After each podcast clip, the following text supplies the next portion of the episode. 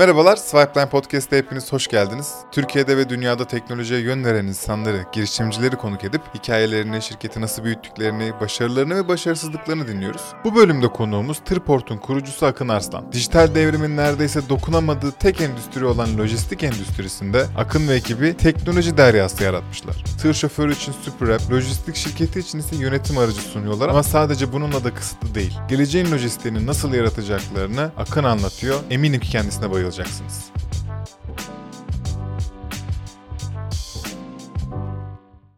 Akın hoş geldin. Sağ ol, teşekkür ederim. Başta şunu söylemek istiyorum. Sesim için çok özür dilerim ya. Hani hasta gibiyim ama değil gibiyim de burnum tıkalı ve sesim böyle çıkıyor.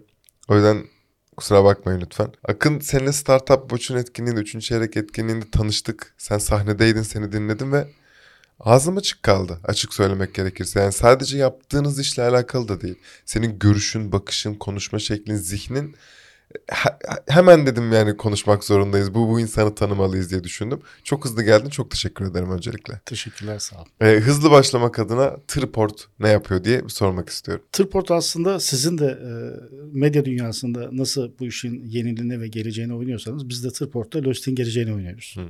Geleceğin Lostik e, yönetim yapısını kuruyoruz Tırport'la beraber. E, oldukça iddialı bir şekilde yola çıktık. 7 yıllık bir girişimimiz. 96 yılında yola çıktık. 2,5 yıl development yaptık. Lojistik sektörünü dijitalleştiriyoruz. 96 yılında mı? 2016 özür dilerim. 2016, ha. 2016'da yola çıktık E, ve bu yolculuk yaklaşık 7 yıldır devam ediyor. İlk iki buçuk yıl full development yaptık. Hiç ürün yoktu. Hiç ürün yoktu. Sıfır. Çünkü çok komplike bir sektörde. Bugüne kadar kimsenin yapamadığı bir şey yapmaya çalışıyoruz. Oldukça iddialı bir iş yapıyoruz. Hı hı. İki tane büyük business yapıyoruz. E, Bunu özellikle altın çizerek ifade etmek istiyorum. Bir tanesi Türkiye'de ve dünyada lojistik şirketleri ve yük sahibi olan üretici şirketlere ya da ticaret yapan şirketlere lojistik operasyonlarında uçtan uca dijital olarak yönetebilecekleri, raporlatabilecekleri, kodum zamanlı, gerçek zamanlı her türlü raporlamaları alabilecekleri bir teknoloji sunuyoruz. Aslında bir SAS gibi çalışıyoruz Hı hı. işin o tarafında. Monitoring, visibility hizmetleri veriyoruz. Dünyanın neresinde olursa olsun bizim teknolojimizi kullanan firmalar ürünlerinin müşteriye gidişlerini ya da depolara, son ara kullanıcılara gidişlerini e, uçtan uca izleyebiliyorlar ve raporlayabiliyorlar. Bunlar için araçlara hiçbir cihaz takmıyoruz. Tamamen cep telefonlarının süper teknolojilerini kullanıyoruz. Arka tarafta yapay zeka ve artırılmış zeka destekli teknolojilerle bu işi bir yere taşıyoruz. İkinci yaptığımız iş ise çok büyük bir ekosistem olan lojistik ekosistemi içinde aynı Uber mantığında çalışarak yük sahipleriyle yük verenleri tamamen serbest bir dijital platformda bir araya getiriyoruz. Binlerce kamyonu ve binlerce yük sahibini bunlar KOBİ de olabilir, büyük işletme de olabilir. Bizim için hiç fark etmiyor. Güvenli ortamlarda bir araya getiriyoruz. Bu taşımaların akıllı bir şekilde yönetilmesini sağlıyoruz. İhtiyacı sahiplerinin birbirleriyle buluşmalarını sağlıyoruz. Burada dev bir pazara hükmediyoruz. Evet. Çünkü pazar çok büyük. Ne kadar büyük bir pazardan bahsediyoruz? Hiç de Türkiye- sormadım bu soruyu. Normalde umurumda olmaz ama sen çok üstüne bastın. E, Türkiye'deki Türkiye'deki pazarın büyüklüğü yaklaşık 150 milyar dolar. yani bununla başlayabiliriz. Ya da başka bir çarpıcı veri vereyim. Türkiye'deki en büyük e, lojistik e, taşımacılık işi yapan lojistik firmasının pazardaki payı sadece 0.5. Son derece fragmente bir pazardan bahsediyoruz. Abi o kadar fazla oyuncu kadar, var. o kadar. Herkes Evet. nemalanıyor aşağı. Evet. Garipmiş. Peki neydi bu kadar büyük problemdi de siz iki buçuk sene development yapmak, geliştirmek zorunda kaldınız ve şu an uçtan uca dediğiniz bir yönetim platformu sunuyorsunuz? Problem gerçekten çok büyüktü. Çünkü problem bir tane değildi yani. Onlarca farklı problem Öyle mi? vardı. Bugün örneğin kamyoncu tarafından bakarsanız Türkiye'de Umut yollarda yaklaşık 936 bin kamyon var. Hı hı. Bu 936 bin kamyonun e, 550 bin tanesi yuvarlak olarak e, uçtan uca e, ticari yük taşıması yapıyor. Hı hı. Şimdi bu kadar büyük bir operasyonun olduğu, her gün 450 bin kamyonun yük aldığı bir yapıda bir de bunun üzerine Türkiye'ye özel yollardaki kamyonların e, %90'ı yaklaşık olarak şahıslara aittir dediğim zaman Öyle mi? tabii öyle. Çok çarpıcı bir Ben tablo aynı ortaya zamanda çıkıyor. sürüyorum ve kamyon Evet benim. kamyon senin. Yani yollarda şu anda yollarda gördüğünüz kamyonların çok büyük bir kısmı yani %85-90'ı doğrudan şahıslara ait. Türk ekosisteminde Avrupa ve Amerika'dan en büyük fark burada ortaya çıkıyor. Orada filolar mı konuşuyor? Orada ağırlıkla filolar konuşuyor ya da var. ya da küçük filolarda olsa Hı hı. o filoların sahipleri var. Mesela 3 kamyonu var, 4 kamyonu var. Kendisi kamyon kullanmıyor. Kamyonu şoförlere kullandırıyor. Bu sadece bu arada Türkiye'de değil. Bugün Hindistan'a gidin, Hindistan'da da öyle. Çin'e gidin, Çin'de de öyle. Ama Türkiye'de kamyon sahiplerinin çok büyük bir kısmı, %90'lara yakın bir kısmı aynı zamanda kamyonu kullanıyor. E, kamyon yatırımı Türkiye'de ucuz bir yatırım değil. Tabii ki. Bugün sıfır bir kamyonun fiyatı 200 bin dolar. İkinci el bir kamyonun fiyatı yaklaşık 100 bin dolar. ortalama olarak baz olarak bahsettiğimde bunlar çok ciddi yatırımlar. Ya bu yatırımları hem tolere edecek hem ekmeğini kazanacak hem kamyonunu idame edecek ve yolda en büyük sorunlardan birisi kamyoncular için dönüş yükü. Giderken bir şekilde yük alıyor ama dönüş yükü bulması çok büyük problem. Boş dönüyor aslında. Dönüş yükünü eğer bulamazsa ve boş dönerse de zarar ediyor. Evet. Yani yolda şu anda Türkiye'de biz istatistiklere çok hakimiz çünkü üzerimizden çok büyük bir veri akıyor. Ee, yoldaki kamyonların yaklaşık yüzde 32'si 33'ü boş gidiyor. Aa, evet, boş biri. giden tabii boş her giden üç gelen her, biri boş. Boş giden boş giden bir kamyon düşünün. Boş giden kamyon 100 kilometrede yaklaşık e, 30 litre boş yakıt yakıyor demek. Of. Ya bu karbondioksit salımı açısından çok büyük bir problem. Yani sektörün her tarafında problem vardı. Bu arada kamyoncular işte ödemelerini sağlıklı alamıyorlar. Ödemeleri konusunda problemler var. E, yükünü götürüyor e, işte teslimat noktasına teslim etmesi lazım. İki gün bekletiyorlar. Onun her bir gün bekleyiş onun için büyük bir kayıp. Tabii. Yani kamyoncu tarafında onlarca sorun var. Yük sahibi tarafında onlarca sorun var. Ve burada basit eşleştirmeyle ya da listelemeyle Mesela yükleri webde listelemek hiçbir şey ifade etmiyor. Önemli evet. olan akıllı eşleştirmeler. Yani bizim sistemimizde şöyle düşün.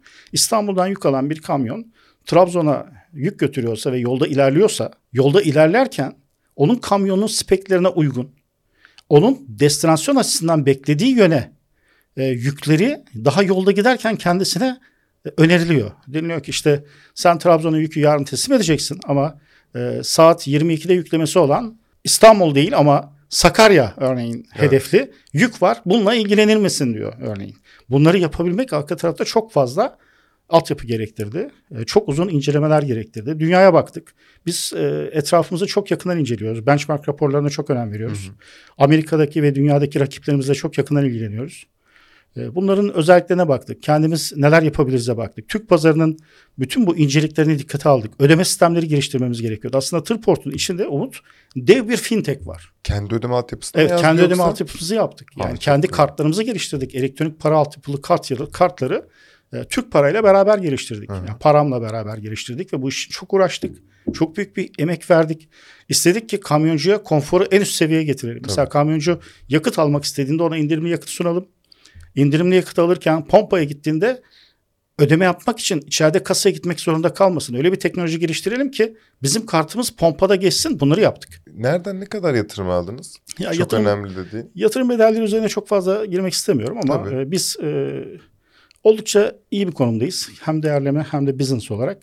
E, işte getirin de yatırımcısı olan Ripay'ın bizde yatırımları var. Hedef girişim sermayesinin bizde yatırımları var. Avrupalı bir fon, e, Encore'un e, yatırımları var içeride. Belli bir seviyede yatırımımız var. Ama şimdi hedefimiz 2023'ün e, Nisan-Mayıs'ı gibi e, ciddi bir seri ağ planlayacağız. Hmm. Yurt dışından e, önemli yatırım grupları bizimle temastalar. E, yatırım yapmak ve bu işi globalde büyütmemizi bekliyorlar, istiyorlar. Kısmetse 2025'e de unicorn girmek istiyoruz. Ne güzel. Yoğun bir şekilde çalışıyoruz. Çünkü pazar buna çok müsait. Biz bu pazarda %7,5 civarında bir pazar payı hedefliyoruz. %7,5 pazar payı bizi 5 milyar doları yönetir hale getirecek. Şu an ne kadar yönetir haldesiniz? Şu anda yaklaşık olarak günde 1 milyon TL civarında Hı. bir hacim yönetiyoruz. Hı hı. Bu çok hızlı büyüyor. Ciromuz her ay e, belli bir büyüklüğe geliyor. Değerleme olarak da bu yılı e, belki unicorn değil ama Türkon olarak e, geçiriyoruz. Şüphesiz abi. Peki sen kamyonculara, kamyoncu şoförlerine bir uygulama yükletmelisin ya bunu yapmak için ve kullandırmalısın. Bu sanki o kadar da kolay bir şey gibi hissettirmiyor. Ben bana. de öyle düşünüyorum. Nasıl oldu peki? Ya bu işin hiç de kolay olmayacağını düşünüyorum. Bu menfaatlerle alakalı Umut. Yani sen insanın hayatına dokunursan ve bu hayata değer kattığını gösterirsen bir de samimi olduğunu gösterirsen özellikle kamyoncu gibi kitleye Hı. E, ona inan, onu bu sisteme kazanıyorsun, gösteriyorsun ve onu kabul ettiriyorsun. Bakın ben size şunu söyleyeyim. Biz Tırport'ta şu anda 108 bin kamyoncuya sahibiz. Hı hı. 108 bin. Yani Türkiye'nin en büyük e, en büyük lojistik firması yaklaşık 10 bin civarında bir kamyoncuya hükmedebiliyor. Aa. 108 bin kamyoncuya sahibiz. Türkiye'de 1.2 milyon kamyon kullanma yetkisine sahip SRC belgeli kamyoncu var. 1.2 milyon. Biz bunları şu anda onda bir seviyesine geldik. Hı hı. Bunu aktif ticari taşıma yapan 250 bin seviyesine öncelikle getirmeyi hedefliyoruz. Ama e, vizyonumuz sadece Türkiye değil biz 10 ülkede faaliyet gösteriyoruz bu arada. Şu anda Şu anda aktif olarak 10 ülkede fiili olarak Visibility Mobility anlamında faaliyet gösteriyoruz. Ama dünyanın her yerine her yerinde çalışabilir durumdayız ve hızla da operasyonumuzu büyütüyoruz. Ya bugün bir buçuk milyon kamyoncuya e, kamyoncunun bir numaralı platform olmak istiyoruz. Yani bu kamyoncu yüke ihtiyacı olduğu zaman global kamyoncu Doğu Avrupa ile Çin arasındaki akstan bahsediyorum. Ve Afrika'ya e, penetre olmuş, uzanan, uzanmış akstan bahsediyorum. Hı. Bu akstaki bir buçuk milyon kamyoncuyu beş yıl içinde sistemimize dahil etmeyi hedefliyoruz. Bugüne kadar o kadar e, beklenmedik bir şekilde büyüdük ki işin kamyoncu tarafında. Biz şu anda zorlanıyoruz çünkü kamyonculara yük yetiştirmek için uğraşıyoruz. Bu iş yumurta tavuk gibi. Tabii. Yani bir tarafta kamyoncu var, bir tarafta yük var. İkisine de ihtiyacınız var. Bizim için aslında en kritik konu şuydu. Tehdit algılanmamak. Çünkü 8 bine Tabii, yakın iki taraftan da. Tabii 8 bine yakın lojistik firması var. Bu lojistik firmaların öncelikle bizim bir lojistik firması olmadığımızı, Hı hı. dijital bir platform olduğumuzu anlamamız anlamaları gerekiyordu. Kesinlikle. Tıpkı sizin bugün bir televizyon istasyonu olmadığınız gibi, bir radyo istasyonu olmadığınız gibi. Kesinlikle. Kendi konumlanmanızı düşünün. Biz bambaşka bir şeyiz ve onlara da değer yaratıyoruz. Nasıl yaratıyoruz? Mesela lojistik firması kontrat lojistiği yapıyor. Ne yapmış? İşte X üretici grubunun ihalesini almış. Hı hı. Günde 100 kamyon fabrikaya sokmak zorunda. Ama her zaman sokamıyor çünkü özmal o kadar düşük ki bugün lojistik firmalarının özmal oranı %10'un altında. Bu ne demek? Bu ne demek? Bu çok güzel bir şey. Kendine ait kamyonu, kamyon sayısı kullandığı kamyonların %10'u. Aa, %90 spot pazardaki o az önce bahsettiğim kendine şahsı kamyonlarını kullanıyor. Evet. Onun için Türkiye o kadar özel bir ülke ki Türkiye'de il ve ilçelere penetre olmuş 400'e yakın nakliye sitesi ya da kamyon garajı var. Kamyoncular oraya giderler. Yüklerini teslim ettikten sonra orada tahtalar var. Çok ilkel bir yapı. Yani 40 senelik sanayi devriminde öyle diyeyim son 40 senelik devrimde tek teknolojik değişme şu olmuş. Bir zamanlar yükler kara tahtalara yazılıyordu. Şu anda Şimdi- beyaz tahtalara yazılıyor. Biraz ekipten ve senin şirkete bakışı, o kültüre Evet. bakışından bahsetsene. Ben oradan güzel bir şeyler seziyorum. Ya ben takıma çok önem veriyorum. Ee, genç ekibe, adanmış ekibe çok önem veriyorum. Çünkü e, bir insanın başarısı sadece kendi başarısından ibaret değil. Yani sen Kesinlikle. ş- takımınla beraber güçlüsün. Seni iyi Arkadaşlar- gösteren onlar aslında. Evet bravo. Yani sen eğer iyiysen etrafın iyi olduğu için Evet. iyisin. Ya da ben benim çok sık kullandığım bir tabir var. Yani arkadaşların senin ne kadar iyi bir birisi olduğunu gösterir yani. Hı.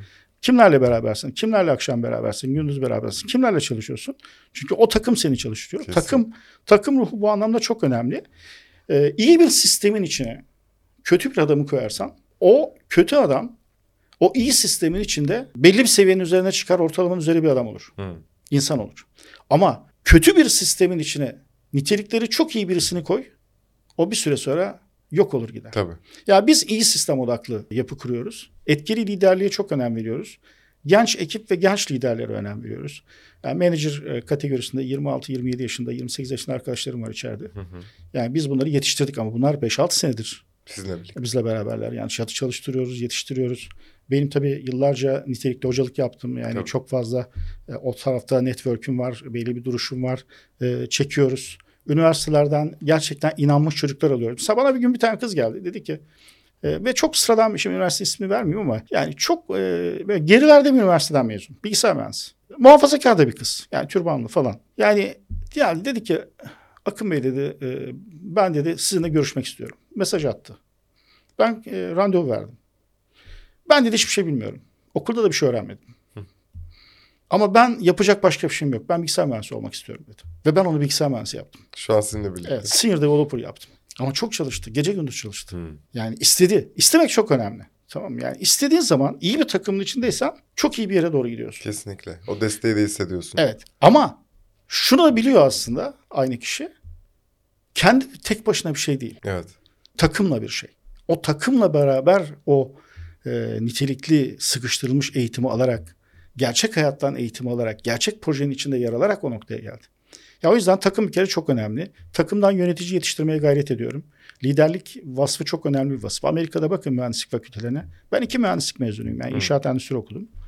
Yani bakın mühendislik fakültelerine. Mühendislik fakülteleri artık iletişim tabanlı dersler koymaya başladılar. Hem de zorunlu olarak, kredili olarak. Hı. Çünkü bir baktılar ki çok köşeli mühendisler işe yaramıyor. Evet. Tamam? Ya Onlarla bir yere gidemiyorsun. O zaman onları yumuşatmak lazım. Kesinlikle. Yumuşatmak için de diyalog içine sokmak lazım, insan içine sokmak lazım.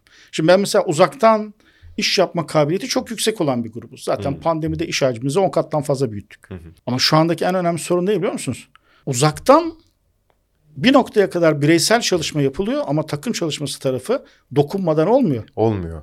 Bu Gözün gerçek gözüne şey. bakmadan olmuyor. Kesinlikle. Şimdi ben bakıyorum bizim developerlara ki biz e, çok iyi tool'lar kullanıyoruz project management tarafında ve e, özellikle projelerde modülleri de geliştirirken arka tarafta iş zekasıyla beraber iş zekasına çok önem veriyoruz. Bütün UX UI içeride yapıyoruz. In-house Tabii. yapıyoruz her şeyle beraber.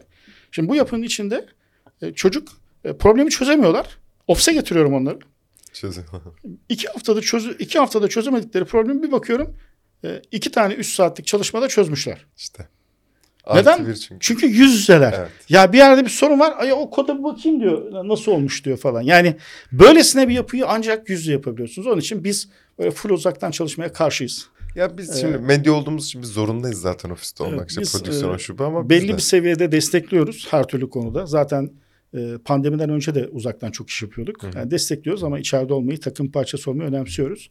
Yönetim kategorilerine de olabildiği kadar gerek operasyon tarafında, gerek iş geliştirme tarafında, gerekse e, diğer taraflarda olabildiği kadar içeriden e, upgrade etmeyi tercih ediyorum. E, bu benim kişisel tercihim. Hı hı. Yani dışarıdan e, üst düzeyde kimseyi transfer etmeyeceğime dair bir deklarasyonum var. Yani Evet orada da Evet. aynısını söylemiştin. Olmadı mı şu ana kadar? Dışarıdan hiçbir yönetici getirmedi. Hayır, beni kimse tavlayamadı. Güzelmiş. Vizyonu seninle konuşmak çok istiyorum. Hem bu iş nereye gidecek hem Triport nereye gidecek? Ne yapacak ileride? E, Tırport herhalde dünyada e, bu işin önde gelen e, 20 tane 25 tane e, büyük aktörü varsa bunlardan birisi olacak. Hı hı. Ya bunu ne zaman sürede olacak? Kısmetse bunu 3 sene içinde olacak. Yani o kadar hızlı bir e, büyüme ve aksiyon içindeyiz. Tabii bazı yerlerde de Umut e, coğrafi üstünlüklerimizi kullanacağız. Hı hı. Şimdi biz dünyanın en nitelikli üretim hattı veya da üretim üretim noktalarının hedefi olacak olan ülke olan o ülkelerin bütünü olan Avrupa'nın Avrupa'nın dibindeyiz. Tabii. Bu büyük bir avantaj. Türkiye ile Avrupa arasında şu anda günde yaklaşık 3000 ila 5000 kamyonluk bir trafik var. Hı hı. Bu trafik önümüzdeki e, 3-4 sene içinde bizim tahminimiz 3-5 kat artacak. Neden? Çünkü Türkiye'de üretim artacak. Çok artacak. Hı. Yani şu anda e, belki takip ediyorsunuz. Özellikle bu supply chain kriziyle beraber hı. yani bu tedarik zinciri kriziyle beraber e, Avrupa'ya özellikle biliyorsunuz dünyada dünya son 30 yıldır korkunç bir büyüme içinde Tabii. üretim tarafında. Hatta hakikaten bu rakamlar inanılmaz. Yani dünyanın e, gayri safi milli hasılası 3,5 milyar dolardan e, şu anda e, çıktı 100 milyar dolara. Bu kadar. 100 trilyon dolara özür dilerim. Hı. 100 trilyon dolara çıktı. Ya bu kadar misli misli artan 3,5 büyüme trilyondan 100 Evet, trilyona değil mi? 3,5 3,5 milyar dolardan 100 Milyardan- milyar dolardan 100 trilyon 3 özür dilerim 3,5 trilyon dolardan 100 trilyon dolara Tamam, çıktı. okey. Düzeltiyorum rakamlar bazen şey yapabiliyor. O Çünkü Ee, 100 trilyon 100 trilyon dolara çıktı dünyadaki gayri safi milli hasıla büyüklüğü. Ticaret çok büyüdü fakat bir başka şey daha e, özellikle enerji maliyetleri, ham madde maliyetleri ve insan gücü maliyetleri dolayısıyla üretim son 20 yılda uzak doğuya ve Çin'e kaydı. doğru. Ama şimdi ne olacak? Bu tekrar batı tarafına kaymanın yolunun arayışında. Çünkü bir bakıldı ki kriz durumlarında mesafe çok uzun olduğu için çok büyük tedarik sorunu oluyor. Tabii. Oradaki öksürüyor ama burada fırtına oluyor. Bunun sakıncaları görüldüğü için kademeli bir şekilde önümüzdeki 20 yıl içinde bu üretim nitelikli tüketim pazarlarına daha yakın hale gelecek. O da Türkiye'ye aslında buradan beğendim Afrika da bu arada nitelikli tüketim pazarı olacak. Hı. Afrika da 2030'lardan sonra özellikle 2040'lardan sonra oldukça nitelikli nüfusun da olduğu e, tüketim pazarına doğru gidecek. Hı. O zaman Türkiye daha da kritik hale geliyor. Tabii. Türkiye öyle bir çataldaki, öyle bir hub'ın üzerinde oturuyor ki aslında ülke uçtan uca bir lojistik hub, uçtan uca bir üretim hub'ı olabilir ve bunun da avantajını en üst düzeyde kullanabilir. Bu da Avrupa Türkiye arasındaki trafiği artırır. Biz bir kere Avrupa Türkiye arasındaki trafiğin bir numaralı aktörü olmak istiyoruz. Hı hı. Şimdi bazı iş iş ortaklıkları yakında anons edeceğiz. Yani şu anda imza süreçleri e, arka tarafta kontratlar devam ediyor. Biz Avrupa ile Türkiye arasında çok büyük bir parsiyel ve LTL taşıma operasyonuna giriyoruz. Yani buradan Avrupa'ya gönderdiğimiz bir gönderilen bir tır e, örneğin Düsseldorf'a gitti. Düsseldorf'un 100 kilometre etrafında belki bir kamyonluk değil ama bir tırlık değil ama belki dört parçalı e, bir yük- var. Biz akıllı eşleştirmeyle o dört parçalık yükü toplayacağız bir noktada. Crossdocklar yapıyoruz. O noktada topladıktan sonra o kamyonu dolu göndereceğiz. Düşünebiliyor musunuz? Avrupa'ya giden kamyonların %80'isi boş dönüyor. Of bu çokmuş ya. Evet. Bir boş dönen kamyonun ekonomik zararını size söyleyeyim. En az 4000 euro. Kesin öyledir.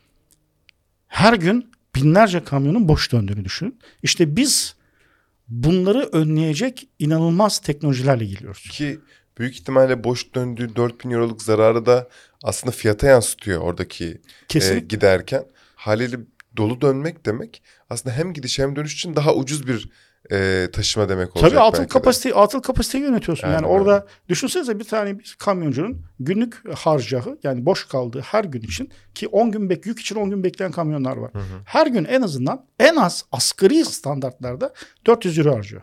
Her gün 400 Her gün euro. 400 euro harcıyor. Ne yapıyor bu kadar parayı? Parklar var, bilmem neler var. Bir sürü masrafları var. Ha, kişisel kamyon masrafları dahil. var. Ben sadece Tabii şoför kişisel- gibi düşündüm. Kişisel 10 masrafları var. Yatıyor yani. Kebap. Bir kere bir kere e, bir kere 150 eurosu doğrudan kendisiyle alakalı Hmm, masraflar. E, bu araç frigo olabilir. Frigo araç ekstra çalışıyor. tabii. Ya çalışmak zorunda gibi bir sürü arka tarafta sebepler var. İşte teknolojinin yarattığı güçle biz burada çok önemli inisiyatif almak istiyoruz. O- e, Olabildiği kadar e, yapıyı destekliyoruz. Mesela rakipleri seviyoruz. Ne kadar çok rakip birse bizim için o kadar iyi. Pazar çok büyük. Çünkü rakibe baktığın zaman kendini daha geliştirme şansın var. Tabii ki. E, son bir sorum var. Buyurun. E, sohbetin başında yanlış hatırlamıyorsam muazzam bir fintech e, yapısı kuruyoruz dedim. Evet. Bu bu bahsedebileceğim bir şey mi? E tabii ki yani şöyle şöyle izah edeyim. Şimdi Türkiye'de e, 1.2 milyon kamyoncu var. Yani biz çok büyük bir pazara hükmetmeyi hedefliyoruz Doğru. ki şu anda da oldukça iddialı bir yerdeyiz. Yani Türkiye'nin en büyük lojistik firmasından %50 daha büyük bir operasyona hükmediyoruz ve bu arada Türkiye'nin en büyük lojistik firmasının dokunabildiği kamyoncunun 10 katından fazla kamyoncu bizim üyemiz zaten. Üyelik üyelik kaydetmeye yetişemiyoruz Umut Bey. 8 bin tane üyeyi şu anda ayaklamaya çalışıyoruz. Başvuru var 8 bin tane. Her ay 5 bin tane yenisi geliyor ve bunun, bunun için ben ekstra bir marketing falan yapmıyorum. Business getiriyor bu iş. Yani sen bir platform kurmuşsun. Herkes bunun parçası olmak istiyor. Sebebi ne? Yüke hızlı ulaşmak istiyor. Tek sebep bu. Yüke hızla ulaşmak için bu iş yapıyor. Şimdi böylesi bir tabloda e, sen üzerinden bin tane taşımayı geçirdiğin zaman bu 600 bin dolarlık bir şeye sahip. Büyüklüğe sahip. Üzerinden 10 bin tane geçirdiğin zaman şu 6 milyon dolarlık günlük bir trafiğe sahipsin. Günlük. Bunu yıllığa vurduğun zaman milyarlarca dolar yapıyor. Tabii. Şimdi bu trafiğin içinde bir de bu kamyoncunun kredibilitesine oynadığın zaman çünkü scoring yapıyorsun. Kamyoncunun ne kadar nitelikli bir kamyoncu olduğunu görüyorsun. Ben bu kamyoncunun viraja nasıl girdiğini biliyorum. Viraja girerken cep telefonuyla görüşüp görüşmediğini biliyorum. Cep telefonuyla bluetooth'la mı yoksa cep telefonunu kulağa götür, kulağına götürerek mi konuştuğunu biliyorum. Cep telefonu hoparlörleriyle mi, hoparlörüyle mi konuştuğunu biliyorum. Rampada %5 rampada gazı sonuna kadar köklediği için yakıtı yakıtı iki katından fazla yaktığını görüyorum. İki tane aynı marka araç aynı yükle yüklüyken yolda giderken birinin diğerinden neden %24 daha fazla yakıtla gittiğini ölçebiliyorum. Şimdi bu kadar datanın içinde olduğu bir yapıda biz bu işi finans tarafında çok iyi bir scoring hazırlıyoruz. Sen güvencesin 2000, aslında. evet, 2023'te biz kamyoncuya değer yaratacağız. Her türlü konu için. Sigorta yaptırırken kredi line'ları yaratacağız. Ee, onun üretim tarafı, onun e, zaten onun ödemesini almasında her türlü kolaylığı yaratmışız. E, Türkiye'nin en kapsamlı elektronik para altyapılı ödeme sistemini kurmuşuz. Kartlarımızı vermişiz. Starport kartlarımız var. Paramla beraber yaptığımız. Şimdi bu kadar büyük bir yapıyı kurmuşuz. Bu yapıyı 2023'te tam olarak devreye almış olacağız. Şu anda bunun altyapılarıyla uğraştık. Sigorta tarafı dahil olmak üzere ona birçok tool'u satacağız. Bakın şunu bile yapacağız. Uç bir şey söyleyeyim en azından e, ekosistemde nereye dokunacağımızı bilin. Gecenin bir saati yolda kalmış. Eksi 15 derecede Sarıkamış'ta yolda kalmış. Erzurum'da yolda kalmış. Mazotu donmuş. Donmak üzere. Bu adama ilk yardımı biz ulaştıracağız. Ya da sen Ankara'dan yüklemişsin. İzmir'e mal götürüyorsun. Akhisar'dan tam geçerken öyle bir baş ağrısın var, baş ağrın var ki dayanamıyorsun. Bir şeye ihtiyacın var. ilaca ihtiyacın var. Akşam saat 21. Tek tuşla en yakın nöbetçi eczaneye, eczaneye kamyonla girebileceği büyüklükteki bir yolda onu yakınlıkta durduracak teknolojileri şu anda konuşuyoruz biz. Ha, peki çok iyi. Ya bakın nöbetçi eczane aramıyor. Hı hı. Akşam 21'de zaten sadece orada Akisar'daki nöbetçi eczanelerin olduğunu ben biliyorum. Onun kamyonunun genişliğini biliyorum, manevra kabiliyetini biliyorum. Arayola sokmuyorum kamyoncuyu ve dönemeyeceği yere. Ana yolda eczaneye yakın neresi? 300 metre yakınında mı? 300 metre yakında onu kadar götürebiliyorum. Yani biz bu detaya kadar arka tarafta müthiş bir planlama ve vizyon içindeyiz. Senin o kısa konuşmanda e, zaten merak etmiş ve etkilenmiştim ama bu uzun uzadıya detaylı konuşmada gerçekten mesut oldum. Çok çok teşekkürler abi bizimle paylaştığın için Ben her teşekkür şeyi. ederim. Keyifli. E, çok değerlisin. Ve bütün söylediklerini yapacağına da eminim bu arada. O yüzden teşekkür ediyorum yeniden. Bütün izleyen dostlara da e, izlediğiniz için teşekkürler. Böyle güzel insanlar var. E, diğer bölümlerde de Akın gibi harika insanları görebilirsiniz. İzlediğiniz için teşekkürler. Bu kadar. Teşekkürler.